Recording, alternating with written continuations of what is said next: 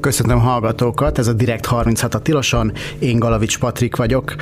Tegnap volt az egyéves évfordulója a 2022-es országgyűlési választásoknak, amelyet ki ne tudná, a Fidesz-KDNP újra kétharmaddal nyert az ellenzékkel szemben. Parlamentbe jutott még a nagy ellenzéki tömbön kívül a, a mi hazánk az azóta eltelt egy évről fogunk beszélgetni Szabó Andrával, társadalom, társadalomkutatóval, illetve Bíró, Tóth Bíró Mariannával, a Telex főszerkesztő helyettesével. Sziasztok, köszöntök titeket az adásban. Sziasztok. Sziasztok. Szándékosan igazából nem fűztem különösebb jelzőt így a, az elmúlt egy évhez.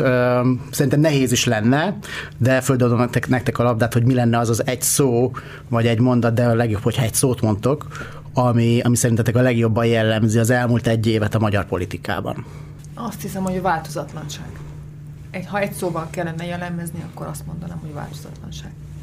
Én még hasonló, de az ürességre gondoltam, és ez tartalmi ürességet jelent leginkább, még annak ellenére is, hogy a, akár a világpolitika, akár a hazai politika eseményei nem feltétlenül diktálták volna ezt meg, meg úgy voltam ezzel az egész, hogy amikor múlt héten kitaláltuk, hogy ez legyen a téma, és hogy én levezetem a műsort, és úgy voltam ezzel, hogy hát persze, miért ne? És akkor elkezdtem én is gondolkozni ezen, hogy egyébként mit lehet beszélni a magyar politikáról az elmúlt egy évből, miközben most már lehet, hogy ez már persze személyes, hogy egy kicsit így megcsömörlöttem tőle, és úgy, úgy vagyok ezzel, hogy eh, hát szerintem nem, amit te is mondtál, hogy üres. Teljesen üres ez, a, ez az egész, és eh, mostanában kezdtem azt érezni különben, hogy 2018-ban még emlékszem a, a megboldogult heti válasznak a, a címlapjára, hogy ők azt írták annó, hogy a választás után a címlap, hogy ez már korszak és 2018-ban, ha ez igaz volt, akkor 2022-re ez már, ez már teljesen igaz, olyan szinten, hogy most csatlakozok rád, Marcsi, hogy, hogy hát teljes üresség van, de amikor azt mondod, hogy tartalmi üresség, akkor, akkor mi, ki, kinek az ürességére gondolsz igazából?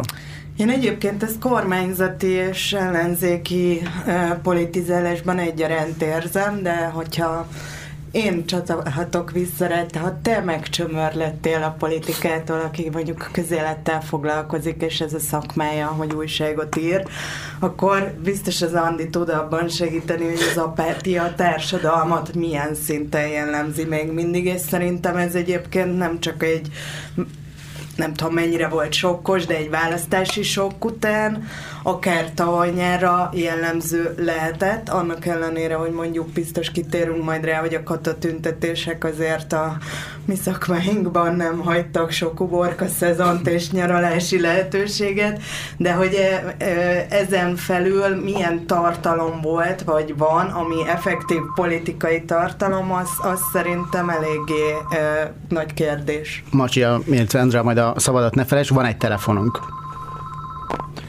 Szia! Halló? és akkor klasszik... Igen, hallatok? Halló? Igen, hallunk, szia! Kivel beszélünk? Nagyszerű. És akkor klasszikus értelemben fel lehet tenni a kérdést, hogy van-e magyar politika jelen pillanatban? Mert azt, én megmondom őszintén, annak idején, amikor a Punce fölállt a parlamentbe, és nyíltan azt mondta, hogy ő számára itt véget ért a, a politika, hát ez nem ma volt, akkor, akkor álltam én is föl a politikától, utána hosszú-hosszú évek, mármint a politika nézésétől egyáltalán hosszú-hosszú évekig nem is foglalkoztam vele, de hogy ami a, a, az utóbbi választás óta történt, meg azért valljuk be 2010 óta, az, azt én nem tartom politikának, ne haragudjatok. Szóval Na erre majd megpróbál, megpróbálunk, megpróbálunk akkor erre is választani, van-e, van-e per pillanat magyar politika. Szerint, szerintem egyébként van, de ez majd mindjárt akkor megbeszéljük. Nagyon szépen köszönjük, okay, hogy hívtál. Köszönjük. Szia. Köszönjük. Bocs, akkor még térjünk vissza, Marcsi, a te felvetésedre. De nagyon-nagyon jó volt ez a, ez a hallgatói hozzászólás, már csak azért is, mert ugye 2010 óta, vagy már korábban a, a depolitizálódása a társadalomnak megkezdődött, és egyébként nyilván erre számos politikai eszközzel ebben a korszakban, az Orbán korszakban rá is játszott a kormányzó többség, akár a médiapolitikáról beszélünk, akár a, szerintem az oktatáspolitikáról, hogy az érdeklődés a közügyek formálása iránti vágy, hogy a, az információhoz jutás, mint alapjog Magyarországon mennyire érvényesüljön, és mennyire legyen a fókuszunkba, az szerintem egy, egy hosszabb-hosszabb, több évtizedes folyamat hatására hozhat minden egyes elmúlt választáson sikert egyébként ennek a kormányzó többségnek, és valószínűleg 2022-ben nem egy fordulópontként, hanem ennek a féle betetőzéseként és tényleg kérdezem az Andit, hogy, hogy, hogy én ezt jól érzem-e, hogy teljesen elfordultak sokan a, a közügyektől? Ö, azt hiszem, hogy most akkor, ha lehet, akkor válaszolok erre a kérdésre. Amikor véget ért a 2022. április harmadikai választás, akkor a Telex megkeresett engem, és készült egy videó, amikor azt kérdezték, hogy mekkora a valószínűsége annak, hogy a fiatalok elmennek Magyarországról, mert hogy úgy tűnik a Google keresések alapján, hogy nagyon sokan kezdtek el afelől érdeklődni, hogy hogyan lehet külföldre távozni a választási vereség után. És én akkor azt mondtam, hogy én úgy érzékelem, hogy óriási apátia lett hirtelenjében egyik napról a másik napra a közélet iránt valamennyire érdeklődők körében, és én úgy gondolom, hogy az apátia ez nem csökkent, hanem még növekedett is az elmúlt egy évben. A, ezt a politikai apátiát a mi szakmánkban a politikai érdeklődés nevű kérdéssel szokás vizsgálni. Nagyon egyszerű kérdés, mennyire érdekli önt a politika. Ennyire egyszerű, és egy egytől ötig terjedő skálával szokás rá válaszolni. És ha nagyon egyszerűen azt lehet mondani, hogy a rendszerváltás előtt ez egy nagyon magas értéken volt, a posztszocializmus 20 évében, tehát 90 és 2010 között egy közepesen alacsony érték volt, és 2010 után bezuhant. Tehát már 2010 után történt egy ilyen második rendszerváltás ilyen értelemben, és a legutolsó kutatási eredmények azt mutatják, hogy még ahhoz képest is nagyon, nagyon magas az elfordulás a politikától. Ez egy töltős skálán, ez mit jelent? Ilyen, nem tudom, 1,5? Vagy, hát tehát, ilyen hogy... kettő körül így van. Hát. Igen. Kettő és egy kettőnél egy kicsit kisebb, kevesebb, így van. Ha ez célja volt a Fidesznek, szerinted célja volt a Fidesznek, és hogy miben, miben mutatkozott meg, hogy ez célja igazából? Én azt hiszem, hogy az a cél, hogy minél kevesebben érdeklődjenek az iránt, ami történik az országban, mert minél kevesebben érdeklődnek, annál könnyebben mennek át a döntések, annál kisebb az ellenállás. És két olyan lépés volt tulajdonképpen az egyik, az elmúlt egy évben, ami meglepte a Fideszt, azt hiszem, az egyik pont a katatüntetések körüli 2022. június időszak, és a másik meg az, hogy a pedagógusok relatíve hosszú időn keresztül kitartottak. Aztán jött a tél, és ez a kitartás, ez persze megtört, de nem számítottak szerintem ilyen hosszú kitartásra, de látszik, hogy most arra az is elfogyott. És ehhez képest például a legutolsó hírek az, hogy a Magyar Orvosi Kamarába 33 ezeren visszaléptek, ez megint egy olyan lépés, amelyik azt mutatja, hogy lokálisan még vannak társadalmi ellenállások, de ezek a társadalmi ellenállások semmilyen módon nem kapcsolódnak össze, és ez a Fidesz számára ilyen értelemben nem veszélyes, hogyha ezek nem tehát a különböző rétegek egymással nem szolidálisak, nem, nem kapcsolódnak össze, és az láthatóan így van. Tehát, hogy a pedagógus az orvosnak, az orvos a pedagógusnak semmilyen módon nem, nem segít legalábbis legfeljebb szavakban kapcsolódik ez össze, hogy a különböző érdekvédelmi szervezetek adott esetben támogató nyilatkozatokat adnak ki a másik szakma felé, de egyébként akár egyszerű létszámból is az ilyen utcai jelenléteknél felmérhető az, hogy ez nem egy össztársadalmi kiállás, és nyilván amíg sok-sok kis lokális tiltakozás vagy ellenállás van, addig a, a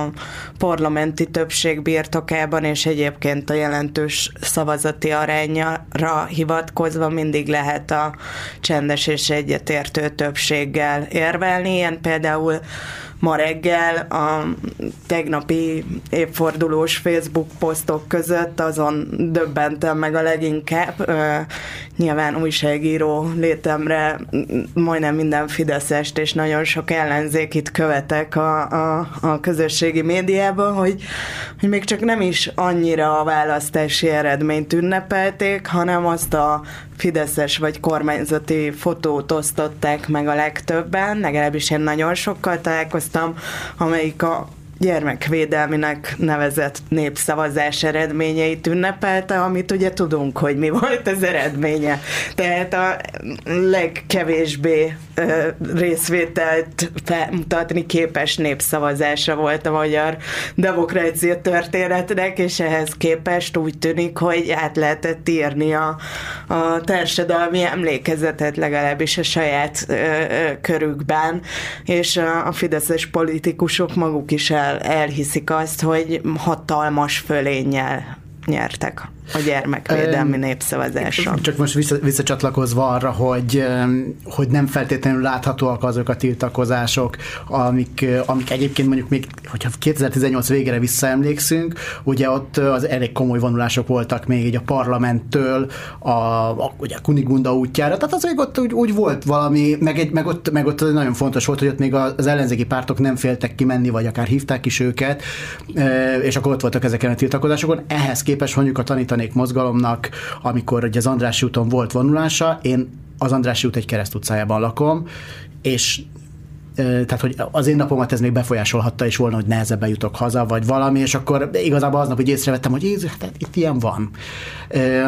Én, aki foglalkozom a közélettel, és napi szinten, és, és nálam csak ennyi csapódott le, hogy hoppá, hát ez most 10 perc alatt ilyen, ilyen vég, végigfutottak itt, a, itt az Andrási úton. Tehát, hogy ehhez képest is egy, egy nagy különbséget látok. Igen, ezzel kapcsolatosan is van két megjegyzésem. Az egyik az, hogy hajlamosak vagyunk elfelejteni, hogy a 2018-as választások után rögtön a következő szombaton vagy vasárnap egy óriási tüntetés volt Budapesten, több tízezes, tehát ezt nyugodtan lehet mondani. Annak idején úgy számoltuk, hogy 50-60 ezeres méretű tüntetés volt. Valonnan az operától indult, és a Kossuth térre állt be, és akkora volt a tömeg, hogy gyakorlatilag nem kellett megmozdulni, és az operától a Kossuth térig beállt az egész tömeg.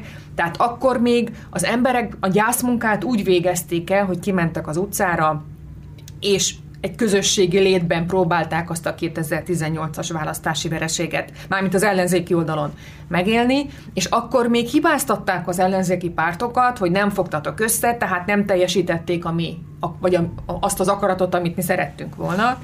És nagyon érdekes, ahogy ezt 2022-ben a társadalom realizálta, legyintett egyet, és azt mondta, hogy már arra sem méltóak ezek az ellenzéki pártok, hogy, hogy kimenjünk és tiltakozzunk. Én erre azt, azt szeretném reagálni kapcsolatba hozzá, hogy ez ne, és meg is kérdezni, hogy én az én megérzésem szerint 2018-ban volt indok a bukásra, viszont mivel éppen ez zárta ki a, a nevében összefogás, vagy az összefogott indulás 2022-ben.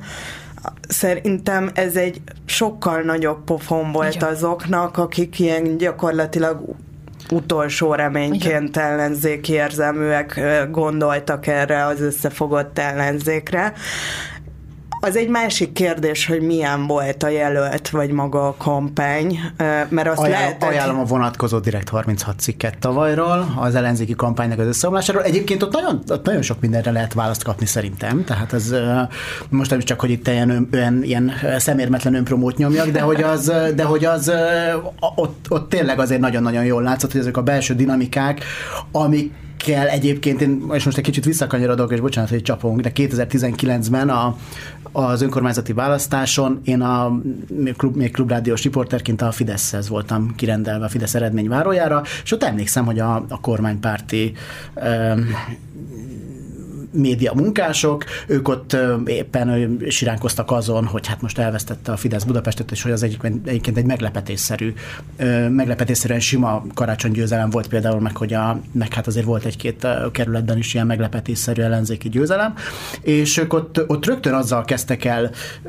sakkozni, hogy hát de hát ezek hogyan fognak együttműködni a közgyűlésben, és hát nem tudom, mert a gyurcsányjal, meg a, meg a, meg a párbeszédesek, meg a nem tudom, és és itt pont, pont, pont ez jött ki, hogy az a narratíva, amit a Fidesz egyébként nagyjából felépített a, az ellenzék ellen, hogy hát itt van egy ilyen, ugye ők nem szivárvány koalíciónak hívják, hanem volt ilyen, vagy moslik koalíciózás, stb., hogy hát ez, ezek, ezek arra alkalmatlanok, hogy így együtt vezessenek akármit, és hát ott tulajdonképpen ez képeződött le, aztán tulajdonképpen a Direkt 30 cikkéből is talán ez, ez derült ki akkor, hogy, hogy, hogy ott semmi, semmiféle pozitív dinamika nem volt ebben az egészben, egyáltalán semmelyik oldalról. Érdekes egyébként, én magam is egyébként kedves kollégáinkkal részt vettem ebben a cikkben, a készültében, és nagyon-nagyon sok háttérbeszélgetés és munka volt abban is, hogy azt feltárni, hogy de vajon miért? Hiszen azokon a balhés eseteken túl,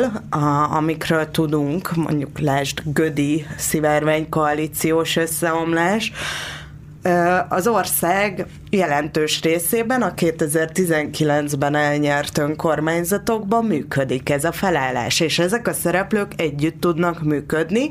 Tudom, hogy kicsit 90-es éveknek tűnik, hogy tárgyalni kell egymással, és kompromisszumot kell kötni, de hogy valamiért egyébként a koalíciós együttműködés az több helyen működik.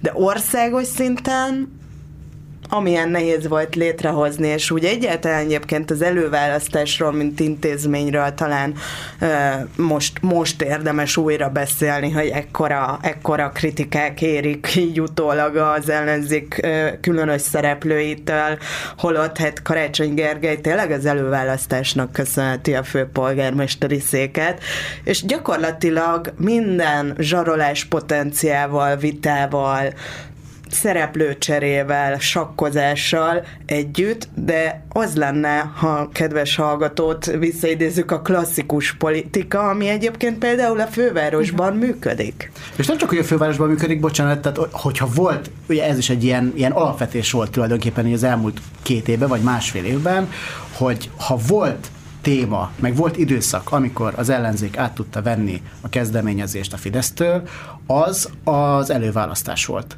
Én ö, alapvetően nem budapesti vagyok, hanem, ö, hanem Észak-Vas megyében lakom, egy fix fideszes körzet. De hogy, ö, tehát, hogy annyira fideszes, hogy ilyen 60-70 százalék közötti eredménnyel szokott nyerni a Fidesz mindig.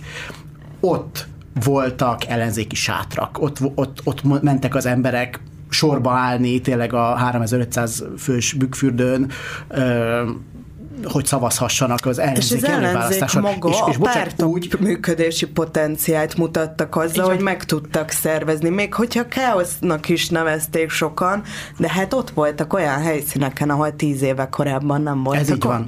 Ez így van, ez így van. Pont, pont Bükkfürdő például erre egy jó példa, ami még csak nem is egy, egy, egy szegény borsodi falu, vagy nem tudom, ahova, ahova nehéz lejutni, vagy, vagy nem érdekli az embereket, hanem egy kifejezetten az ország egyik leggazdagabb környéke, és ott, hogyha én felpróbáltam volna idézni, hogy egyébként az emberek találkoztak-e mással, mint a Fidesz-szel, a fidesz se feltétlenül nagyon egyébként, de a Fidesz legalább megjelent valahogy, valamilyen, valamilyen úton, módon. De hogy, hogy ellenzéki párt, párt, a Momentum, vagy az LMP, vagy, vagy bárki valahogyan megjelent volna, ez egészen az előválasztásig ez nem volt. Ez Én nem azt volt. hiszem, hogy az előválasztás politikai szempontból egy elképesztő innováció volt.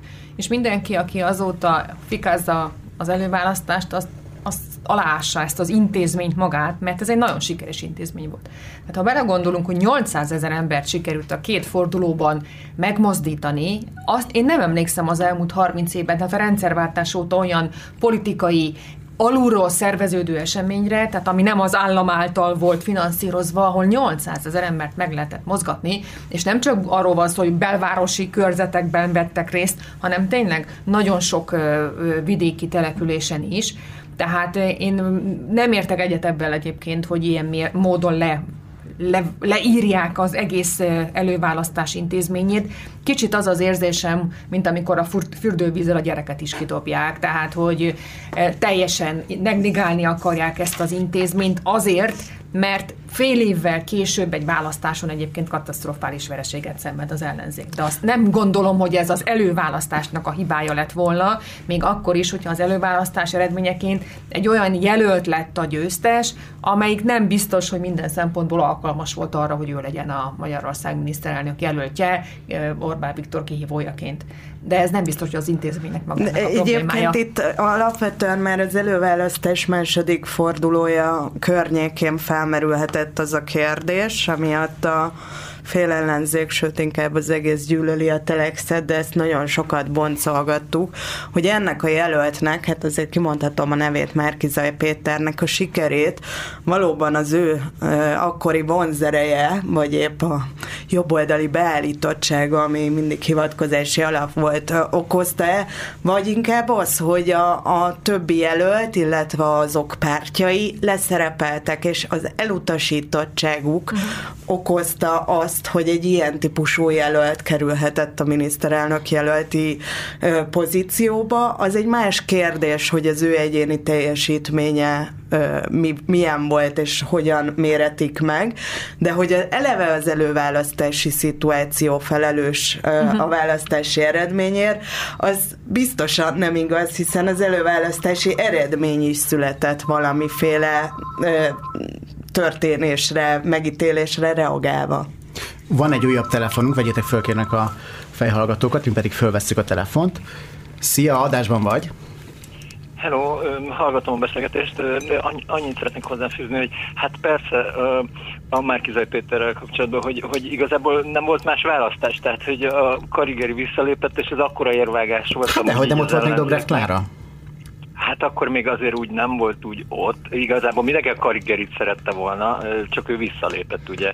Ami, ami még, a, még, a, még a Fideszesek körében is döbbenetet okozott amúgy, hogy ez miért lépett vissza. Na mindegy, csak hogy, hogy utána meg az okozott egy nagy sok hatást, tényleg, ami már itt a reggeli műsorban is elhangzott, hogy, hogy amikor bejelent, tehát amikor kiderült, hogy, hogy mi a végeredmény, és szegény Márkizaj Péter ott áll a színpadon a családjával, és hogy a, a közös ellenzékből nem volt senki, aki mögé állt volna, és ez még hagyján, de az, Bocsánat, Karácsony Gergely, meg között... ugye Donát Anna volt, akik fölmentek vele a színpadra. Igen, az, ez egy nagy respekt, oké, okay, de az, hogy, hogy a fő nagy ágyúk azok így nem, és hogy, hogy az, hogy, hogy miután kiderült, hogy nem sikerült megnyerni az egész országot, csak Budapestet. Hát azt meg hagyjuk a francba, az itt érdekel. Tehát gyakorlatilag úgy lemondtak a Budapestről a ellenzéki pártok, a nagy összefogás, hogy ilyet még életemben nem láttam. Tehát egy, ez egy akkora feldobott labda volt, hogy Budapest legalább a miénk, de nem, tehát hogy, hogy ezt nem látják, mert annyira az csak az, hogy ő, há, szóval, na mindegy, szóval ez, ezek voltak szerintem az óriási legnagyobb hibák az ellenzéki összefogásnál, csak ennyit szerettem volna hozzá. Kösz szépen, köszi, hogy hívtál. Szia! Hát az, hogy, az, hogy kikáltak fel a színpadon. Kösz szépen, köszi, hogy hívtál. Szia! Hát az, hogy, az, hogy kikáltak fel a színpadon, meg kik nem álltak fel a színpadra, azt szerintem rögtön egy egy, egy hamar, tehát az nem is kellett volna egy direkt 36 cikk, aztán pár héttel később, de hogy az ott a, az ellenzéki dinamikákról nagyon sokat elmondott, meg az, hogy Jakab Péter meg Gyurcsány Ferenc tulajdonképpen egyből egy, egy videóval jelentkezett, ahol elmondták, hogy hát sajnos hát a jelölt, az, az Egyébként szerintem volt. nagyon érdekes ez is, hogy Budapest mennyire nyertük meg, nyerték meg Budapestet, mennyire mondhatják el, hogy megnyertük Budapestet, mert a 2019-es mhm. eredményekhez viszonyítva viszont viszont nem volt annyira fényes ez a budapesti győzelem 2022-ben, tehát keserédes öröm lett volna, vagy legalábbis könnyen firtatható kommunikáció, de ezt is nyilván az Andi jobban tudja adatszerűen, hogy az egyes körzetekben mennyire jött vissza a, a Fidesz, és hogy ez például mit vetíthet előre egy jövő évi, ráadásul előre, előrehozott önkormányzati választáson, Főleg úgy, hogy eltelt egy év ö, mindenféle változás nélkül, tehát ö, ö, szerintem a, megvolt annak a, a a pszichés oka, hogy ennyire szétestek akkor az ellenzéki pártok, ha sokkal nagyobb kérdés az az, hogy azóta sikerült-e magukat összeszedni, nem fogok hazudni, mi az Andival már itt a, az adás előtt az, arra beszélgettünk, hogy nem úgy tűnik, mint hogyha bármit sikerült volna következtetésként és tanulságként levonni. Hát ugye 18 egyéni választókerület van Budapesten, és ebből 17-et nyert meg a az ellenzék 2022. április 3-án, tehát elvileg azt is lehetne mondani, hogy ez egy nagy győzelem, de hogyha a listás eredményeket nézzük, akkor igazán a csinak. Tehát itt azért érződött egy visszalépés a 2019-es választások után, és különösen nagyon érdekes körzetekbe, a lakótelepi környezetben. Tehát azt látható, vagy az, az olvasható ki az adatokból, hogy, hogy ha nem is a, a belvárosi részeken, hanem azokon a részeken, ahol nagy tömbben éltek lakótelepen, elsősorban idős, illetve kevésbé iskolázott társadalmi rétegek Budapesten is jelentősen előre tört a, a Fidesz, és ha már ha előbb itt felvetődött, ennek hosszú távon hatása lehet. Tehát a, két, a jövő évi önkormányzati választáson ez akár problémát is okozhat az ellenzéknek. Először is az ellenzéknek túl kell esni egy nagyon fontos lépésen, elő kell állítani ugyanazt a helyzetet, mint 19-ben. Egy főpolgármester jelölt, minden kerületben egy polgármester jelölt, és minden EVK-ba, tehát egyéni képviselőjelöltnek egy személy. Abban a pillanatban, amikor több lesz ebből, minden egyes helyen a Fidesz fog győzni. Tehát ezt így előre lehet pontosan rögzíteni. Ha nem egy lesz, hanem kettő, bármilyen értelemben kettő, akkor a Fidesz fog győzni, mert a Fidesznek stabilan Budapesten 35-40 százalékos támogatottsága van, és ez még csak javulni fog a következő ö, hónapokban. Ez hiszen... igaz a mi hazánkos jelöltre, illetve azokra a mikropártokra és vagy a köznyelvben mm, kamupártnak elterjedt olyan főleg önkormányzatok, eh, önkormányzati választásokon aktív szervezetekre, amelyekhez adott esetben plusz jelöltet állíthatnak? Adott esetben, ha kiélezett lesz a küzdelem, akkor igen. Tehát akkor adott esetben a Fidesz elviheti azokat a kerületeket, elviheti azokat az egyéni körzeteket, és akkor a, mondjuk megnyeri a, az ellenzéki polgármester, de nem lesz mögötte stabil többség. Tehát jóval kiélezettebb lesz a küzdelem 2024-ben, mint 19-ben volt, és én úgy gondolom, hogy, és akkor ezt ebben akarom befejezni, nem akarom hosszúra nyújtani, miután a Fidesz túl van a mélypontján, a támogatottsági mélypontján, túlélte ezt a nagyon nehéz időszakot, ami most az infláció miatt volt, ezért innentől kezdve a támogatottsága növekedni fog, és nem pedig csökkenni. Tehát innentől kezdve neki egy felfutópálya van, és ugye a technikai elemzések azt mutatják a tőzsdén, hogyha egy, egy szervezetnek, egy, egy brandnek egy felfutása van, az automatikusan hozza magával a támogatottság növekedést. Tehát ez egy ilyen öngerjesztő folyamat. Egyébként arra visszakanyarodva, amit mondtatok, hogy nem tanultak semmit belőle, lemondták azért a saját maguk következtetéseit, és Molnár Csaba adott egy nagyon hosszú interjút pár hónappal ezelőtt a, Partizánnak. Ő pedig azt mondta erről a választási kérdésről, hogy igazából mindenki lett már próbálva, ki lett próbálva az összefogás, ki lett próbálva az, hogy milyen az, amikor ők maguk megegyeznek, a pártok milyen, amikor az emberek kiválasztják. Azt mondta Molnár Csaba, hogy egy valami nem lett még kipróbálva, ami már egyébként működött 2002-ben és 2006-ban, hogy egy nagy párt száll szembe a Fidesz-szel. Most van egy ilyen megfejtés, a DK-ban legalábbis ez a, ez a megfejtés, meg talán a Momentumban is valami hasonló körvonalazódik, de, de, de a DK legalábbis ebben elég explicit. Na most ugye az a kérdés, hogy azt a DK hogy próbálja elérni, hogy ők maradjanak egyedül, akik, akik Mondjuk az egy nagy nagyobb. párt 2002-es és 2006-os kipróbálását, azért szeretném a, a kedves hallgatók figyelmét felhívni, hogy olvassanak utána, hogy hány párt volt akkoriban, és hányan indultak, tehát meg milyen típusú koalíciós helyzetek álltak elő, akkor így fogalmazok, de egyébként ez nem egy hatalmas találmány ez a DK narratíva, amit most nyilván a saját szerepük erősítése érdekében teljesen logikusan próbálnak ö, ö, ö, megfogalmazni és súlykolni. Tehát valóban ezt mindenki tudta az előválasztás előtt is, hogyha lenne egy hasonló méretű és hasonló támogatottságú párt, mint a Fideszé, akkor nem lenne szükség összefogásra. Tehát ez, ez teljesen egyértelmű.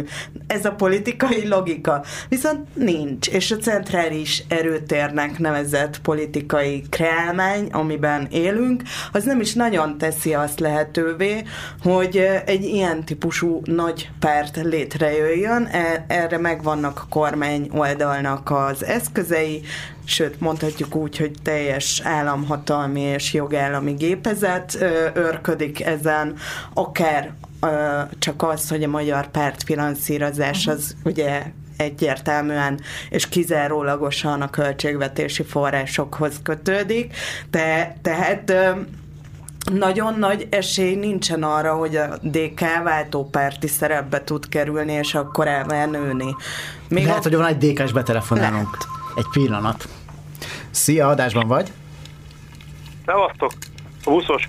Ö, lehetséges-e az, hogy ö, nincsen olyan a, a palettán, az ellen, sem az ellenzékben, hát a Fideszről most nem beszélek, de az ellenzékben, aztán igazából mégis a Fideszt is említhetjük, mert náluk sincsen olyan válasz, és ez miatt aztán olyan potenciál sincs a leváltásukra, amely azokkal a dolgokkal, vagy azokra a dolgokra megoldást jelentene, amelyet most egyébként már nagyon sokan éreznek a bőrükön, és, és mm, gondolok itt a klímaváltozásra, az energiaválságra, hogy az kialakíthatna egy olyan erőt, vagy felvállalna valami olyan dolgot, tehát őszintén elmondaná az embereknek, hogy, hogy nehézségeket kell vállalni, és ez egy nagyon népszerűtlen dolog.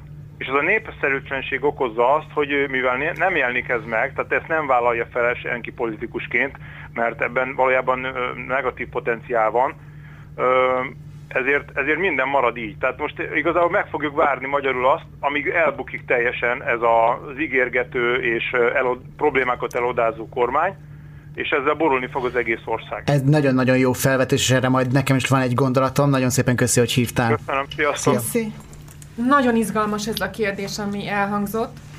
És, és teljesen igaza van a kedves betelefonálónak, jelenleg egy olyan világban élünk, amit 2010 óta a Fidesz vezet, hogy itt nincsenek problémák, mert ha problémák vannak, az csak a Fidesz tudja megoldani, egyébként a Fidesz generálja, és épp azért, mert a Fidesz generálja, és csak ő tudja megoldani, ez egy teljesen zárt rendszer, ebbe a zárt rendszerbe nem lehet kívülről behatolni. És azt hiszem, hogy a magyar társadalom az elmúlt 13 évben hozzászokott ahhoz, hogy ne beszéljenek vele őszintén. Utoljára a Gyurcsány beszélt velük vele, velük őszintén. Ő se szándékosan, ugye? És ő se szándékosan, és tudjuk, hogy mi lett az eredménye. Tehát én azt gondolom, hogy egyszerűen az a sok, ami akkor érné a magyar társadalmat, hogyha egy párt kiállna és azt mondaná, hogy emberek, itt nagyon komoly probléma van, itt népszerűtlenség lesz, itt súlyos válsághelyzet van, felelősséget kell vállalnunk, és lehet, hogy egy ideig nehézség lesz, ezt jelenleg nem fogadja el a társadalom. Mert azt tanultam meg 13 éven keresztül, hogy nincs valódi válság, mert mindent megold helyettük az Orbán kormány, az állam megold helyettük. Végső soron minden rendben van, hogyha ha minden úgy marad, ahogy marad, mert mert ez a szocializáció jelenleg. Ehhez kettő dolog, bocs Marcsi. Az egyik, ami eszembe jutott itt a betelefonálónál, amikor ez, ez a felvetése megfogalmazódott, az az, hogy tavaly néztem egy a háború kitörés után nem sokkal Robert Habecknek, a német energiaügyi miniszternek a, volt egy Facebookos bejelentkezése, ami, ahol én, leesett állal figyeltem, hogy az ember hogyan szól a német választókhoz. Ő ott elmondta, hogy halló lajte, itt most aztán probléma lesz, gond lesz, mindenkinek ki kell vennie a részét abból, ami, ami lesz, ki kell vennie a német iparnak, és igen, ki kell vennie a részét a német háztartásoknak is. Drágább lesz az energia, így van, de ez a cél, ezt akarjuk elérni, hogy levárjunk az orosz gázról, és hogy, hogy a múltbeli hibákat. Ez egy teljesen őszinte dolog volt, és én arra gondoltam, hogy Jézus Mária, ugye Márki Zai Péter, amikor mondott egy ilyet a, a, a, a kampányban még, hogy hát kevesebb vizet kell használni, meg nem tudom, az a rezsicsökkentés, akkor ugye azt a megafon azt rögtön kis, kis soundbite kivágta, és már, és már ezzel riogatták a, a magyar embereket. Ez az egyik, hogy ez, ez egy ilyen, tényleg ilyen megdöbbentő különbség volt a magyar meg a, meg a német társadalom között. A másik pedig az, hogy, hogy azért Orbán Viktornak is volt egy ilyen ö, ilyen kiszólás, ami, ami meg máshogyan lepett meg, mert ő sose szokott ilyet csinálni. Ugye ez már, ez már régen, a, ez már a, a választás megnyerése után volt persze, de ugye e, a Kossuth Rádióban azt találtam mondani egyszer, hogy hát jó, hát akinek most rezsicsökkentés, csökkentés után hát nehézséget okozott, keressen többet. Hát e, ennél, ennél cinikusabb dolgot ugye nagyon nehéz elképzelni, és arra gondoltam, hogy ezt egy, ha ezt egy ellenzéki politikus mondja, hát itt akkor megint a megafon, megafonnak így nagyon jó ö, melót tudtak volna adni. Tehát, hogy azért vannak ilyen kiszólások ott is, és nem tudom például, hogy ezt Orbán Viktor miért engedte meg magának, valószínűleg már ezt is megengedhette magának. De ez, ez azt is mutatja, és ezért függ szerintem össze az igazság utáni vágy, vagy az érdeklődés kérdésköre és az apátia, hogy igazság szerint, a, amit Orbán Viktor mond, az se hat meg olyan nagyon senkit Magyarországon, és valójában az van, hogy elmész a boltba, bevásárolsz, és ez rettenetesen meggyötör téged manapság, és az elmúlt egy év azt hiszem majd minden napjára ez volt az igazság, és erről beszélgetünk, hogy mi mennyivel drágább, vagy éppen arról, hogy a két vagy három gyermekes családok esetében sincsen már az a rezsitámogatás, hogyha az energiaárakat említjük még itt, tehát a mindennapi valóságunk az szöges ellentétben áll a kormányzati retorikával, és még akkor is, ha vannak benne őszintének tartott kiszólások. Én, én egyébként azt sokkal inkább egy célzott lokális üzenetnek érzem mondjuk a még támogatott rezsi támogatást élvezők körének, mert elkezd annak politizálni, aki a biztos választói bázisa, és én ezt a Fidesznél egyre erőteljesebben érzékelem. Néhány radikalizált üzenet van, ami a fix mozdíthatatlan fideszes szavazótáboron megy kívülre jelenleg, és tényleg a törzszavazókhoz kommunikálnak ami sokszor bugyutának tűnik. De ez a békepártiság például, vagy ez a rezsivédelem azért korán sem ugyanaz, mint a választás előtti pénzszóráshoz társított, és mi fenntartjuk a családvédelmi intézkedéseket, fenntartjuk a rezsicsökkentést, ez lesz, az lesz, amaz lesz. Ez a mostani kommunikáció nem ígér múlt időben beszél. Tehát, hogy szerintem azért az látszik, hogy a Fidesz sem tudott új tartalmat behozni az elmúlt egy évben, és, és, és valószínűleg nincs is rá igény, amit te mondasz, hogy tehát nincs ez az ilyen őszinteség utáni vágy a társadalomban. Ezért mondtam az elején azt, hogy nekem a változatlanság jut eszembe az elmúlt egy évről, mert és én teljesen egyetértek veled, mind a két oldalon tök ugyanazok a dolgok zajlanak, mint hogyha nem történt volna 2022-ben semmi a világon, tehát nem történt volna a választás, hanem ezt így elfelejtettük volna, és minden pontosan ugyanabban a kerékvágásban történik, mint ami a 2018-as választásokkal létrejött helyzet.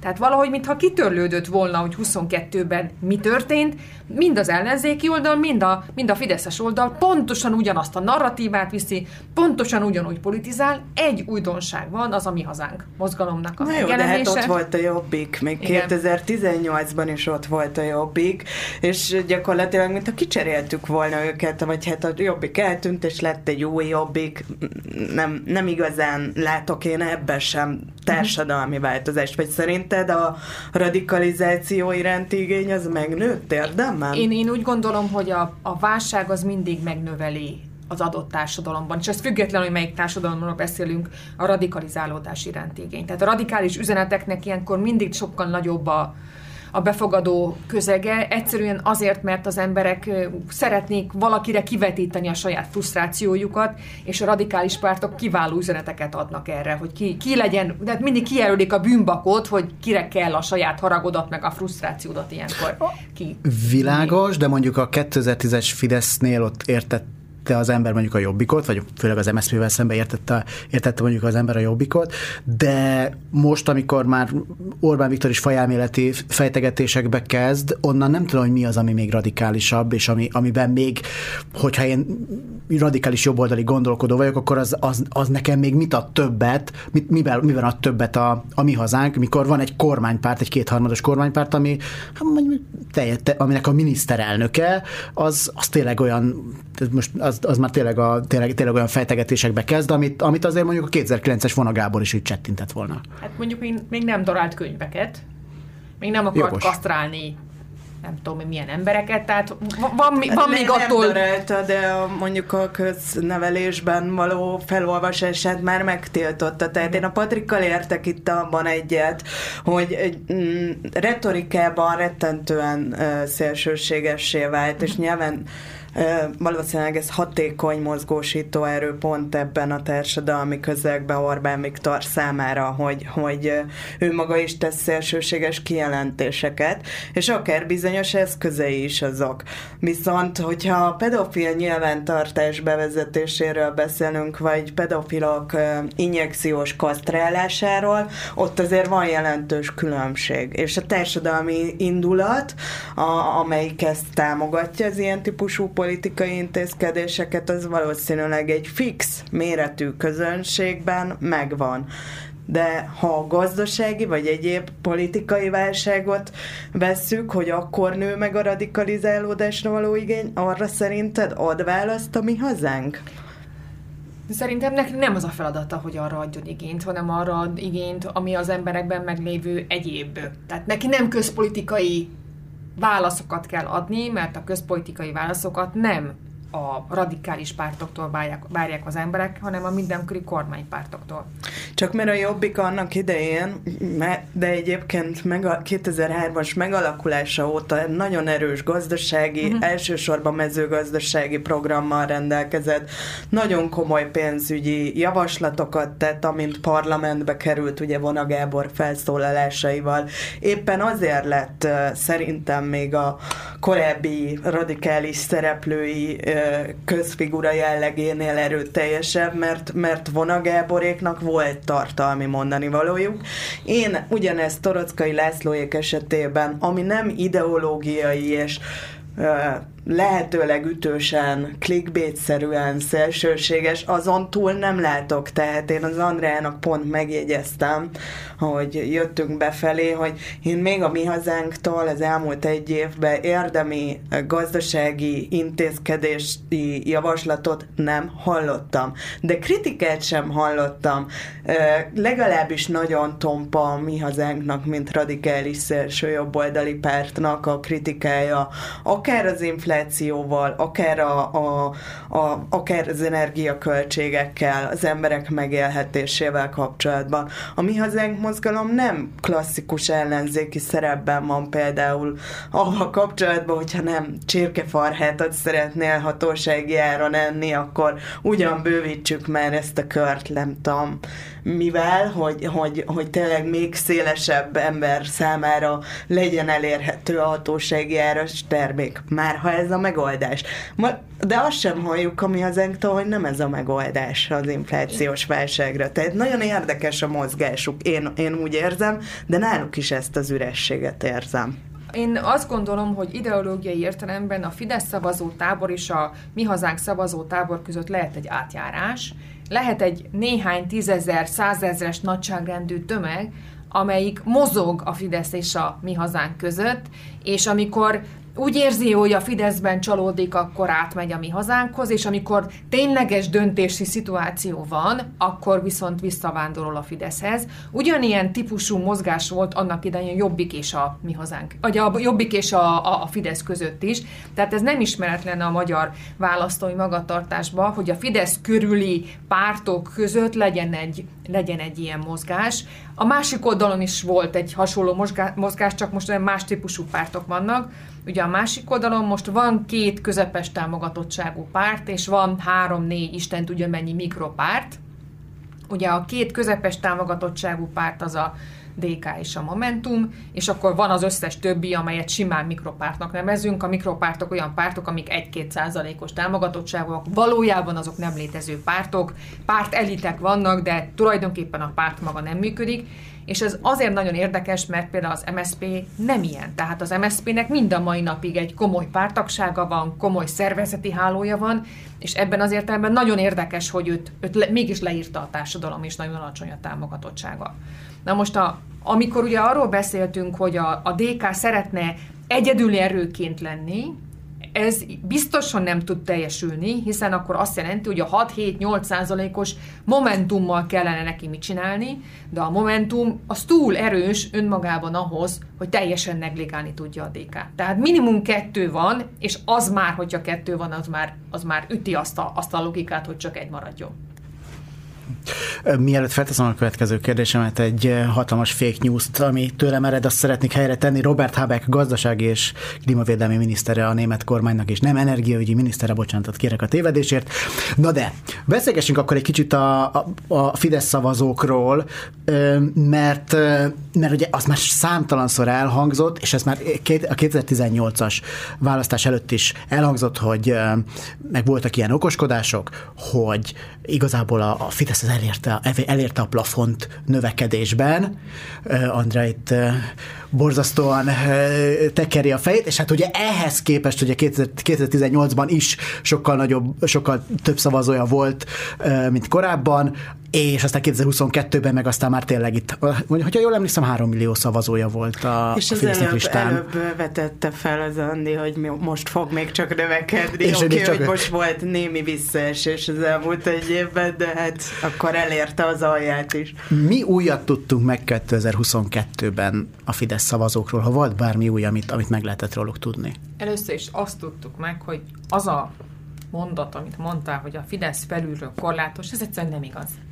A Fidesz felülről korlátozottságának a 100%-i, 100%-a korláta, vagyis ha minden állampolgár rászavaz, az a korlátja. A Fidesz képes túlnyúlni azon a szavazó táboron, ami a magszavazó és a saját gyűrű szavazói, tehát azok a szavazók, amelyek a legerősebben kötődnek hozzá. Ugye a, durván 3 millió szavazó, ez azt jelenti, hogy nagyságrendileg annyian szavaztak rá, mint amik a migra, migrációs, válasz, migrációs népszavazás során az igeneket nyomták, nem a nemeket, bocsánat, a nemeket, nemeket jelölték be, és mindenki azt mondta, hogy ez az képtelenség, hogy három millió fölé menjen a Fidesz szavazótábora. Én régóta mondom, hogy ez, ez ilyen nincsen. Tehát egy pártnak a szavazótábora a soha nem lehet korlátos, ha megfelelő állami források vannak mögötte, és a Fidesz mögött megfelelő állami források vannak. Tehát ez azt jelenti, hogy simán előfordulhat, hogy akár még 3,2, 3,3, 3,4 millióra is föl tud menni a szavazó tábora. Igaz, ez már csak úgy lehetséges, két úton, vagy az ellenzéki pártoktól szavaznak át, vagy pedig olyan szavazók jönnek be, akik még soha korábban nem szavaztak. Ugye most is 70%-os volt a részvétel, tehát nagyjából a társadalom mondjuk 30%-a, 25-30%-a nem szavaz, tehát onnan tud onnan tud tovább növekedni a Fidesz, hogyha ebből a rétegből még behúz szavazókat, azonban innentől kezdve már nagyon nagy energia is és anyagi ráfordítás minden egyes szavazónak a behúzása, de hát ugye az a korlátlan források rendelkezésre állnak, tehát elvileg 3-3-3,4 millióig simán fel tud menni. Mondjuk azt tegyük hozzá, hogy ez nyilván egy országgyűlési választásra vonatkozik, tehát a következő három évben valószínűleg azért ezeket a drága kampánytechnikákat, hogy hogyan vonzunk be újabb és újabb szavazókat, főleg azért is, mert a magyar is egy előregedő társadalom, és bizony választókorú állampolgár utánpótlásra szüksége van a, a, a kormánypártoknak is, ezt valószínűleg meg fogja lépni, viszont fél mondatban visszatérve ahhoz, hogy mit tudtunk meg a Fidesz szavazóiról, az biztos, hogy sokkal többet fogunk megtudni az ellenzék szavazóiról a jövő évi uh-huh. európai parlamenti és ahhoz időben előrehozott önkormányzati választáson, és azt hiszem, hogy gyakorlatilag a Fidesz számára tét nélküli a dolog, még akkor is, hogyha egy jogállamisági eljárással kapcsolatos, brüsszelezős, akár a Fidesz részéről Brüsszel ellenes uniós kamp kampányt folytatna a kormány oldal, tehát én nem gondolom, hogy egy részvételiség, részvételnövelő kampánya lesz a Fidesznek és ez segítheti az önkormányzati voksoláson, gondolom én, hogyha alacsony a részvétel, ellenben az ellenzékről sokkal, meg az ellenzéki választóközönségről sokkal többet fogunk szerintem majd akkor tudni. Az elmúlt egy évből nem biztos, hogy sokat tudunk, mert én nem, legalábbis nekem ez a benyomásom, és többek között az Andrea és Enyedi Zsolt cikk sorozatából és kutatásából, ami a Telexen jelent meg, ha én is reklámozhatom picit hát azért van ez a műsor, persze. Én, én mit reklámoztam, mit szeretnétek te de is? új könyv esetleg valami jön. Te is a saját cikkeidet, de a de, de, de a ti kutatásaitokból is azért világos volt, hogy, hogy a, a, ha plafonról soha nem is lehet beszélni, de az, hogy a mozgósító erő és az új szavazóbázis szerzés, vagy kilépés a törzs szavazóbázisokból kinek mennyire sikerült, a 2022-es választás, ami ugye a beszélgetésünk eredeti témája, az a ellenzéki oldalon nem hozott nagy meglepetéseket. Sokkal inkább a Fidesz oldaláról hozta a meglepetést, azt, amit az Andra is elmond. Nyilván, csak ugye, hogy itt akkor arra, arra kötünk vissza, hogy rendben van, az ellenzéki szavazókról sok mindent megtudunk, és az ellenzéki pártok is ezáltal sok mindent megtudnak a, az ellenzéki szavazókról. A kérdés az az, hogy abból tanulnak-e, meg, meg, hogy, most, meg hogy most egyébként igen, tehát egy ilyen szempontból most, most ott tartunk, hogy és ebben a szempontból fel lehet talán menteni az ellenzéki pártokat, hogy ugye volt egy, egy nagy elvesztett választás, aminek úgy mentek neki, hogy egy nagy közös ellenzéki nekirugaszkodás volt, és most, most gyakorlatilag csak mondjuk felmérésekből tudnak következtetni, hogy, hogy mit akarnak a szavazóik. Hát sajnos nem következtetnek, tehát ha te előbb azt mondtad, és itt a DK-t idézted, hogy levonták a, a következtetéseket, szerintem nekünk ebben eltér a, a véleményünk. Gyakorlatilag egy vagy kettő vissza pártelnöki, illetve jelölti visszavonuláson kívül nem vonták le a személyi következtetést, döntéseket sem ezek a pártok, és gyakorlatilag a, sem retorikában, sem a, a, politizálásban és érdemi politikai taktikában, tehát az, hogy hova pozícionálom magam. A helyszíni jelenlétemen változtatok-e, vagy ismét csak egy kampányban próbálkozom ezzel milyen programalapú politikai uh, aktor vagyok, hogyan viselkedem, ezekben semmi nem változott, és, és semmi nem változtatott a 2022-es eredmény. Isten ments, hogy én bármelyik pártnak, és akár a DK-nak is így a fogadatlan prókátora legyek, de hogy szerintem nekik, tehát hogy az, az viszont lehet egy, egy egy következtetés levonás, és a DK-nál ezt látjuk szerintem, hogy hát eddig nem ment, így meg úgy nem ment, De akkor, ez egy akkor most ez... viselkedés, ez nem politika. Tehát én szerintem a politika az, amit mondjuk a választókért és a választókkal kommunikálok, de árnyék kormányt alakítani és a szövetségi politikámon változtatni, az ugye a sok kis párt közötti kérdés joggal teheti fel a választópolgár, hogy mi, a, mi, mi közöm nekem ahhoz, hogy kedveli-e a nem lépek be a DK-ba Mesterházi Attila egy Gyurcsány Ferenc, vagy nem kedveli. Vagy mi közöm nekem ahhoz, hogy a Márkizaj Péterrel összefogna-e a Gyurcsány, vagy sem. Mondjatok valamit, amitől nekem jobb. Mondjatok valamit, ami nekem fontos. Tehát, hogy ezt és ez egyébként már 2018-ban is ráégett az ellenzékre, hogy egymással voltak elfoglalva a választópolgárok helyett. Ez szerintem megint csak nem változás. Hát ugye most az a kérdés, hogy mi lesz azokkal a mikropártokkal. Csak nem változás.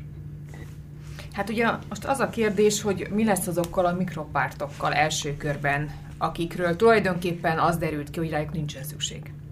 Tehát itt most egy, van mindenkinek egy olyan bizonyítványa az egyszázalékos pártoknak, hogy azt mondja a társadalom róluk, hogy ti feleslegesek vagytok. Most én, miután itt, itt is emberek vannak a párt vezetői, akiket fizetnek, és ebből élnek, én szerintem egy akkor ak- akkor lenne felemelkedett, és, és, és nem tudom, így, így, egy igazi vezetői döntés, hogyha ezek a pártok azt mondanák, hogy hát köszönjük szépen, akkor mi befejeztük, de hát ilyen Magyarországon nem igen szokott történni, hogy egy párt azt mondja, hogy rám nincsen szükség. Utoljára az együtt mozgalom volt olyan, amelyik azt mondta, hogy mi igen, hát ránk nincsen szükség a társadalomra, és ők belátták ezt a, ezt a dolgot, és felülemelkedtek a saját emberi problémáikon. Egy csomó ember azóta se tudott egyébként mit kezdeni saját magával. Nem volt, aki más, hogy másképpen Mert, siker, politikai sikert ért el, és Baranyi Krisztina. Tehát azért a, a, az, hogy, hogy van élet ezeken Igen. a pártokon túl, azt, azt látjuk. Tehát az biztos, hogy arra, hogy két zöld párt legyen Magyarországon, arra biztosan nincsen semmi szükség.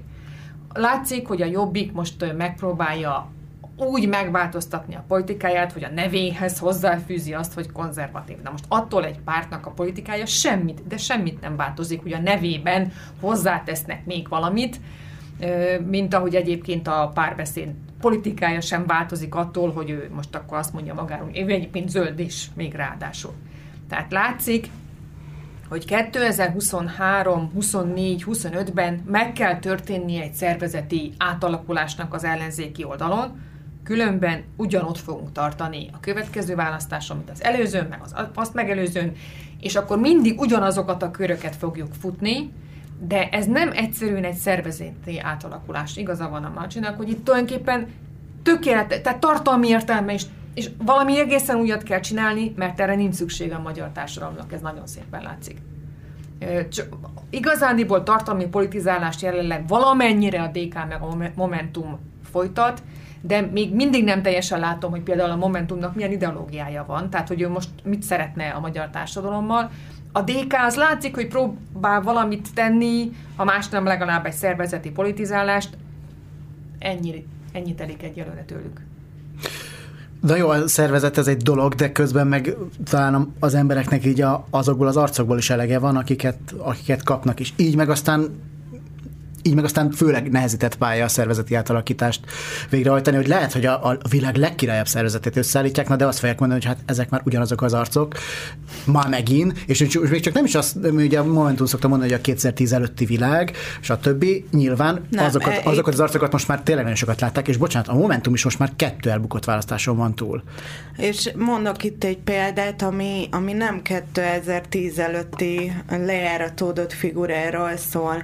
A, szerintem Gyurcsány Ferenc és a Demokratikus Koalíció egy erőfitoktatásnak és egy győzelemnek, mikrogyőzelemnek érte meg, hogy Rácné Földi Judit ö, ö, országgyűlési képviselői esküdtehetett, most, ami előtte, közben és utána történt, azt uh, kicsit távolodjunk el a konkrét eseményektől, uh, de de önmagában gondoljatok abba bele, hogy egy olyan figura lett a országgyűlési képviselője a magát egyed, egyedüli erőként pozícionálni akaró pártnak, akiről egy évvel ezelőtt olyan dolgok derültek ki, ami miatt elbukik egy előválasztási szituációt, esélye nincs választást nyerni, folyamatos kampánytémát szolgáltathat a kormány oldalnak, és vagy mint hogy ez Magyarországon annyira nem válik szét a propagandának, és ráadásul tovább osztja meg ezt a típusú ellenzéki közösséget. Az ellenzéki közösséget annyiban is megosztja, most nem a Momentum 6 politikusának kardoskodásáról beszélek, hanem arról, hogy a belpesti értelmiség például mit gondol Recné Földi Judit tündökléséről? Milyen hitelt érdemel az az ellenzék? Teljesen mindegy, hogy egy párt vagy összefogott hat pártja. Milyen hitelt érdemel mondjuk a, a, a törzs szavazó bázisától az az ellenzék, akinek nem ciki egy ilyen típusú arc. És teljesen mindegy, hogy most bűnös, nem bűnös, bűncselekményt követett el, vagy papíron az nem bűncselekmény. Szerintem mondjuk a hazugság az nem feltétlenül egy, egy jó belépő a politikába, de hogy ezen sem tudunk változtatni. Csak ha kiderül Marcsi. De, Jó, igen, de igen, igen, tehát, persze értem. Hogy, mint hogyha a párt, ezekben a párt szervezetekben nem, hogy ahogy Andi mondta, a társadalomban nincs igény az igazságra, hanem mint hogyha ezekben a párt szervezetekre a hazugságra lenne igény. Tehát, hogy ez, ez nem fog működni, és nem tud társadalmi változást generálni, és egyébként meg aki ilyenre vágyik, annak van egy ö, ö, 12 éve kormányzó Orbán Viktora, aki egyébként tudom, hogy soha nem hazudott a magyar nemzetnek, de, de ezen túl ö, azért jelentősen tudja kerülni az igazságot, hogyha arról van szó. Tehát legalábbis mondjuk a válaszadásai azok nem tükrözik mindig a, a, azt a hitelességet, amit ő magáról állít, de te, de hogyha mégis megszületne egy társadalmi igény bármi nemű igazságra és igazságosságra, akkor nem hiszem, hogy ilyen típusú arcokkal el lehet érni ezt a változást. És ebből tűnik úgy, hogy maga az ellenzék sem igényli azt, hogy legyen társadalmi és politikai változás. Na most olyan ellenzék, akinek jó, aminek jó az ellenzéki szerep, az, az gyakorlatilag hát közpénzből megél. Az a probléma, hogy Mondhatjuk azt, hogy az ellenzéki pártok hitelességi vákumban vannak, és mondhatjuk azt is, hogy az ellenzéki pártok vezetői is hitelességi vákumban vannak.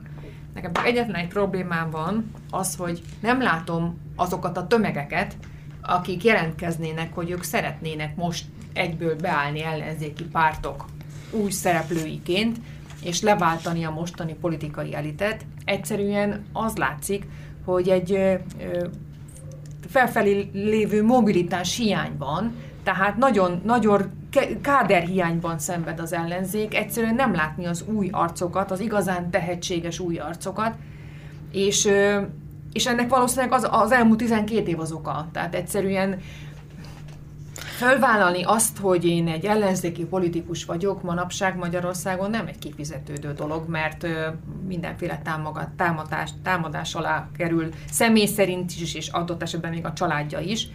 És ez azt jelenti, hogy hosszú távon ugyanazok az emberek folyton folyvás ugyanazokba a hibákba esnek bele, és nem tudom, hogy ebből valójában hogyan lehet kilépni ebből a folyóból. Érdekes, amit mondasz, mert hogyha már ilyen évfordulós hangulatban vagyunk, én néhány nappal a, a, a tavalyi választást követően a Karácsony Gergelyhez elmentem egy interjúra, és ő maga én is mondtam, megkérdeztem nyilván, hogy nem kellene itt megköszönni a lehetőséget, legalábbis pártvezetőként, meg levonni a következtetést akár a saját személyünkre nézve, mm.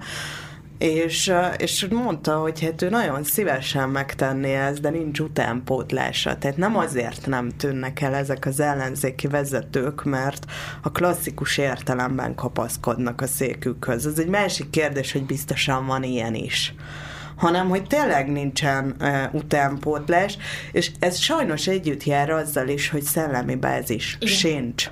És azért sem változtatnak. Itt nem arról van szó, hogy Gyurcsány Ferenc egy szemében nem akar változtatni, vagy Karácsony Gergely, vagy, vagy Kuhalmi Ágnes, vagy Gelencsér Ferenc nem szeretne a politizálásán, politikáján változtatni, de hát látszik, a, a mondatok beragadtak egy 2014-es szinten, és azóta nem sok minden változott. Reakciós politika, azaz, hogy a kormány oldal tematizálja a közbeszédet, gyakorlatilag minden szinten meghatározva, hogy mit tekintünk közügynek, és mire reagálnak az ellenzéki pártok, ahelyett, hogy az ellenzéki pártok által előtúrt ügyekben kényszerülne magyarázkodásra egy kormányoldal, hiszen az, a Fidesz ellenzékbe ezt csinálta.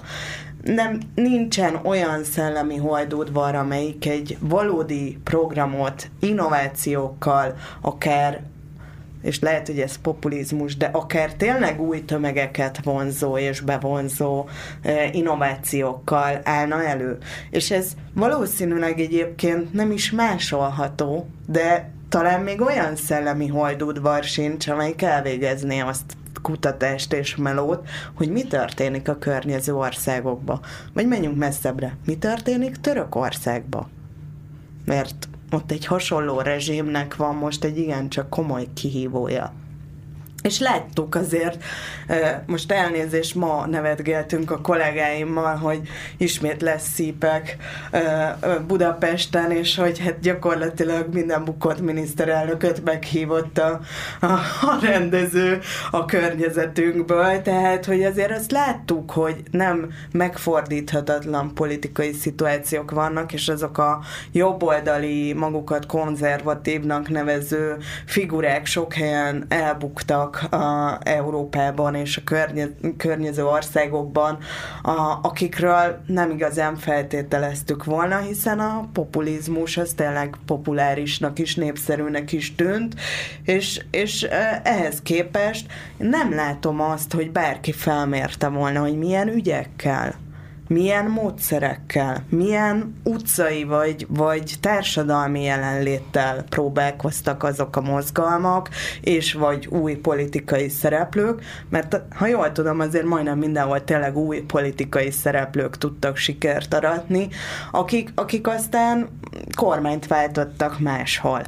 Én nem látom ezt az ellenzéki pártokban, én azt látom, hogy még mindig tök menő bejárni az ETV-be, és még mindig tök menő kiadni közleményben azt, amit elolvastam előtte a hírportálokon, és felháborodni rajta, és majd kikérni ugyanazokat az adatokat, amit amúgy a magyar független maradék sajtó is kikért, és, és ezekről sajtótájékoztatót tartani. Tehát ugye ez nem feltétlenül politika, ez tény, és az első betelefonálónak ebbe igaza van, hogy ez a klasszikus értelembe vett politika az, az úgy változatlanul nincs. És valószínűleg nem tavaly óta, és ne, hanem, hanem tényleg már régebb óta. Igen, tehát személyi és politikai vákum is van, és válság is van az ellenzéki oldalon. De ha ezen a gondolatmeneten tovább megyek, akkor most hát tök ideális pillanat van, hogy teljesen új szereplőként ismeretlenként akkor azt mondjam, hogy itt van egy halom probléma, amire egyébként rezonál a társadalom, mert, a, mert szerintem a tanárokkal a többség szimpatizál. Ebben nem vagyok biztos. Nem? nem Miért nem? Nem vagyok biztos. Azért, mert nem mindenki szereti a tanárokat, és nem mindenki gondolkodik így. Nagyon sokan azt Sőt, mondják... mindenkinek volt rossz tanára. Igen, igen, hogy sokan azt mondják, hogy de hát ne panaszkodjanak a tanárok, dél, délután kettőkor hazamehetnek, semmi dolguk, igazándiból így is túl vannak fizetve, tehát önmagában én nem gondolom, hogy mindenki egyet értene a tanárokkal. De a 40%-os élelmiszerinflációt az biztos, hogy senki nem szereti. Igen, de hát azért a háború felelős, mint tudjuk. Így Meg van. a szankciók.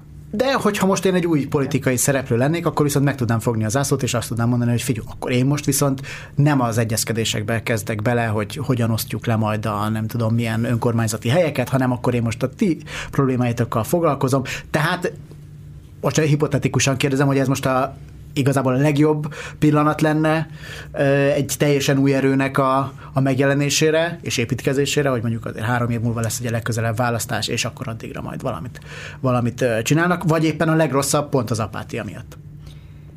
Amikor 2018-ban a Momentum elindult a választáson, én személy szerint határozottan azt gondoltam, hogy túl korán indult el mert a Momentum sem szervezetileg nem volt kész, sem ideológilag, sem programjában nem volt kész párt. Én szerintem a Momentum elkapkodta az indulását.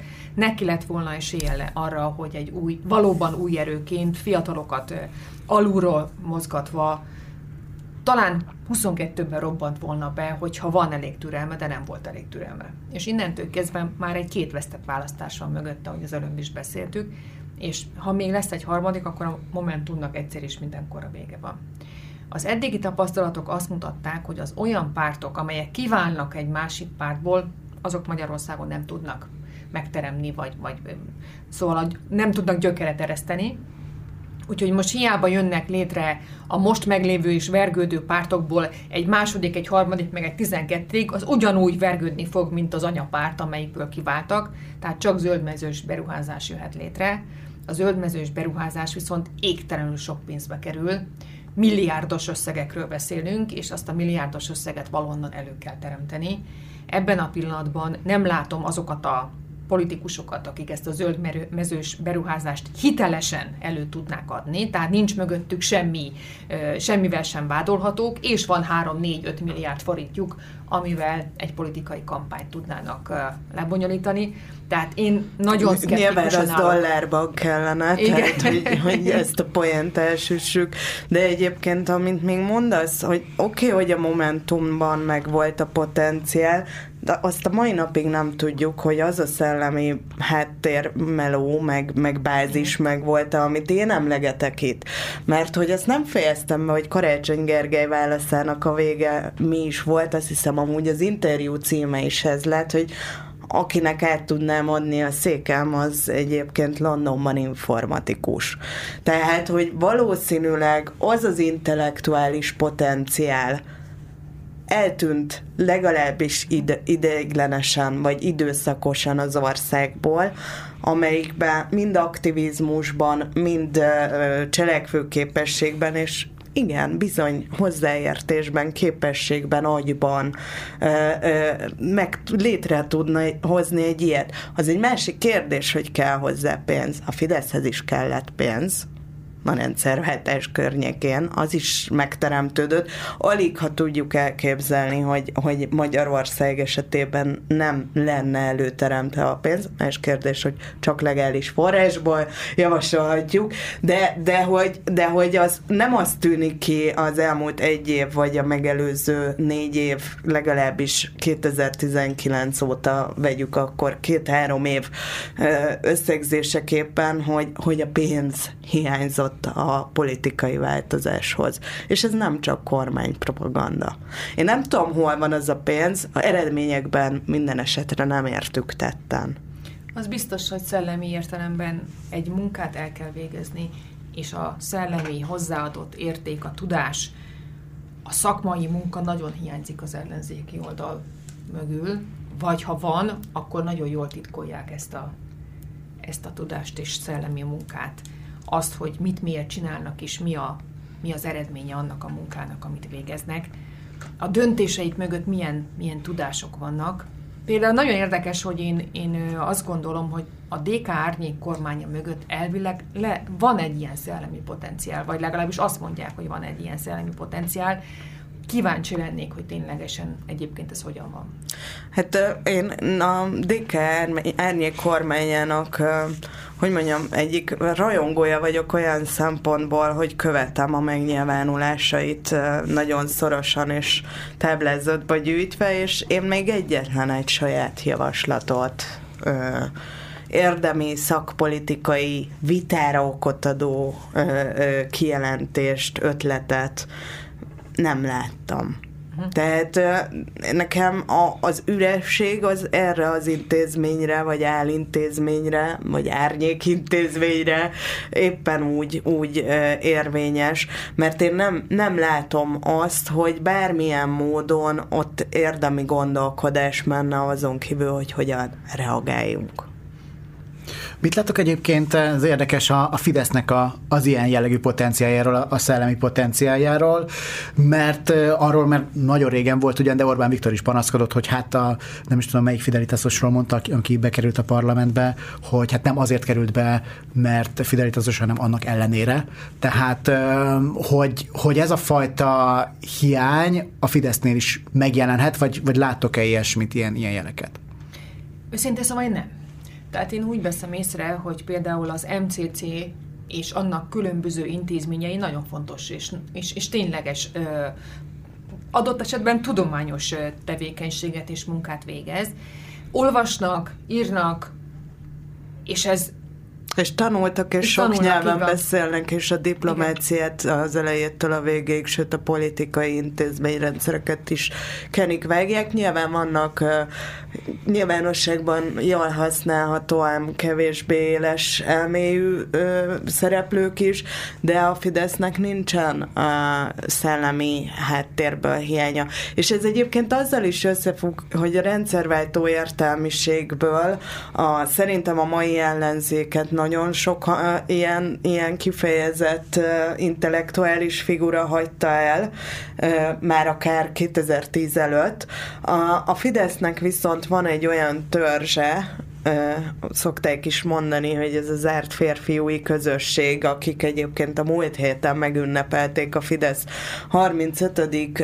születésnapját, gondoljunk csak bele, hogy itt nem csak a vulgáris, trágerkodó, uh, uszító Bajer Zsoltról van szó, hanem végig kell nézni, hogy milyen figurák, egyetemi tanárok, professzorok vannak ebben a közösségben, és ezek az emberek ellenzékben is és kormányon is időt és manapság már közpénzt nem kímélve nevelik ki a és folyamatosan termelik ki az új generációt. Itt nem a megafonosokra kell, vagy a propagandistákra gondolni, hanem azokra a, a, akár közhivatalt viselő majd később Fideszessé váló szereplőkre, mintha mondjuk csak végignézünk a, a, azokon az államtitkárokon, akik ebben a kormányzatban már e, helyet kaptak, lehet, hogy négy évig előtte helyettesek voltak, vagy még azok sem. És nagyon-nagyon jól látszik, hogy ezek mind párthoz kötődő személyek, akik egyébként teljesen zöldfülükként kerültek be az államigazgatásban. Nagyon sok panasz is volt, és szerintem Navracsics Tibor első távozását a kormányból éppen. Ez, a, ez a, a, az átpolitizálás is, és az abból fakadó feszültség, mert például kodifikációs problémák voltak, és sorolhatnám, és sorolhatnám tették, de például egy Lázár János még a miniszterelnökség, a kancellária vezetőjeként kifejezetten tett azért, hogy 20-31 nehány évesekkel vegye körbe magát az állam apparátusban, és ezekből lesz aztán a hűséges, lojális Fideszes és majdani politikus. Van egy telefonunk. Szia, adásban vagy? Halló. Nagyon örülök, hogy elhangzott a hitelesség a, a hölgyek szájából, nem tudom, melyik ők említette, de, de nekem nagyon megérintett, mert uh, szerintem is egy nagyon fontos dolog. És uh, csak azt kérdezném meg tőle, vagy tőletek, hogy szerintetek uh, hogyan lehet szerezni ma hitelességet ma egy, egy, egy, egy vezető itt mitől válhat úgy hitelessé, hogy, hogy az, az a tömegek számára meggyőző erejű legyen. Köszi, sziasztok! Köszi, szépen! Hát ez egy nagyon jó kérdés, és uh, azt látjuk, hogy egyébként már uh, gyakorlatilag szerintem a következő önkormányzati választás legalábbis biztosan ilyen lesz. A, maga a Fidesz is küzd a, a hitelesség problémájával egy-egy jelöltet érintően, ezért van a rengeteg sportoló vagy, vagy más típusú közszereplő jelölté állítása, és az ellenzék is bizony próbálkozott már többször azzal, hogy az egyébként valós közéleti, kulturális, tudományos teljesítménnyel bíró hiteles embereket állítsa a saját oldalára, színpadára, és akár jelöltként választásokon, de az biztos, hogy a hitelességnek a, a, a tapasztalatát, a saját teljesítmény és az átlátható elszámoltathatóság az alapja. Most én csak a hitelességre azt szeretném mondani, hogy lehet, hogy Rácné Földi Judit, akit a hitelességnél említettünk, kiperelte a TAU pénzeket, de bocsánat, a 24.hu is kiperelte a TAU pénzeket, és ugyanazt hajtják végre párhuzamosan, mint az újságírók, viszont én vele kapcsolatban semmi másra nem emlékszem, csak arra, hogy egyébként meghazudott egy, egy ö, nyilatkozatba, vagy vagyonnyilatkozatba, vagy hitelességi nyilatkozatba, azt hiszem, ez az előválasztási hitelességi nyilatkozat volt. E, ez biztosan nem tesz hozzá ahhoz, hogy hogy őt hitelesebbnek lássam. És hát nyilván a hallgatói kérdésre a rövidés frappáns válasz az tényleg az, hogy nem muszáj generációváltásnak lenni, mert hogy kor, korszerűen generációváltásnak lenni a, ahhoz, hogy, hogy egyébként új szereplők érkezzenek a politikába. Nagyon sok, ren, rengeteg sok amúgy Magyarországon maradt és Magyarországon élő rettenetesen okos, nagy teljesítményű, tisztességes ember van, az lenne olyan, hogyha a politika önmagában nem hiteltelenítene. Már a politikával való foglalkozás önmagában nem hiteltelenítene. Pont ezt akartam éppen mondani, hogy amikor azt kérdezzük az emberektől, hogy mit jelent számukra a politika, akkor általában két fogalmat szoktak mondani, az egyik a hazugság, a másik meg a korrupció. Tehát az a helyzet, hogy amikor jellemezni kell a politikát, akkor csupa-csupa negatív fogalmat, jel, jelzőt társítanak hozzá, és aki politikusnak megy, arról abóvó úgy gondolják az emberek, hogy az tisztességtelen és hiteltelen. És ezért van nagyon igaza a kérdezőnek is kiváló volt a kérdés, hogy egyáltalán lehet-e egy politikusnak hitele, és erre az a válasz, hogy vannak politikusok, akik ezt, ezt a hitelt megvásárolják, méghozzá úgy vásárolják meg, hogy ők állami pozícióban ülnek, és ennek az állami pozíciónak önmagában van egy ilyen, nem tudom, egy karizmája, vagy egy, vagy egy hitelessége. Orbán Viktor nagyon sok ember számára egy abszolút hiteles politikus, gondoljunk mi bármit egyébként erről. Viszont az, hogy az ellenzéki oldalon valaki hiteles politikus legyen, ez sokkal, de sokkal nehezebb, mint, mint kormány oldalon. És ez most független, hogy éppen ki van kormányon. Tehát, hogyha most nem Orbán Viktor lenne a kormányon, hanem egy másik ember lenne, akkor is nagyon nehéz lenne politikusként hitelesnek lenni. Én azt hiszem, hogy Magyarországon akkor lehet a leginkább hiteles valaki, hogyha van egy egyéni teljesítmény mögötte, amit már fel tudott mutatni, vagy ha nincs mögötte egyéni teljesítmény, akkor teljesen tiszta, mint egy ma született bárány, ha már itt húsvét. A legjobb a kettő együtt. legjobb a kettő együtt. Hát Tehát én ez... nem tudom, hogy van egy tényleg ilyen szuperember. Ö...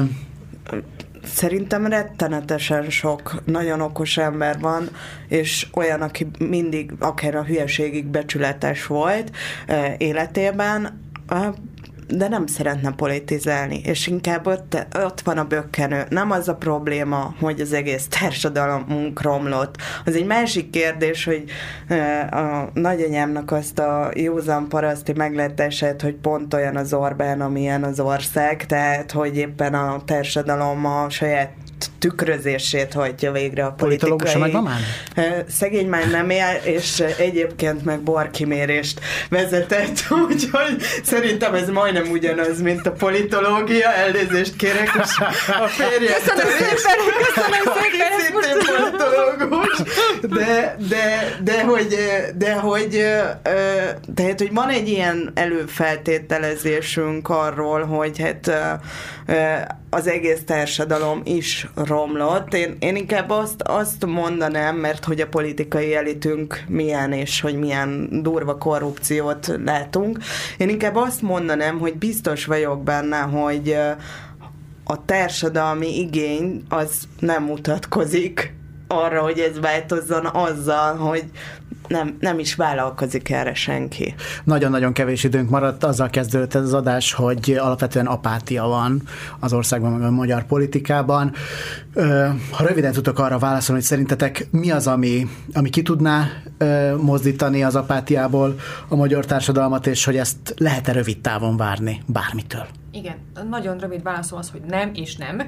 Tehát nem lehet ki mozdítani, és Szerintem nagy valószínűséggel ez az apátia rövid távon nem is fog megszűnni, mert nem látom, hogy bármilyen politikai feltétel adott lenne ahhoz, hogy az politikai apátia megszűnjön ebben a pillanatban, vagy majd egy éves távlatban.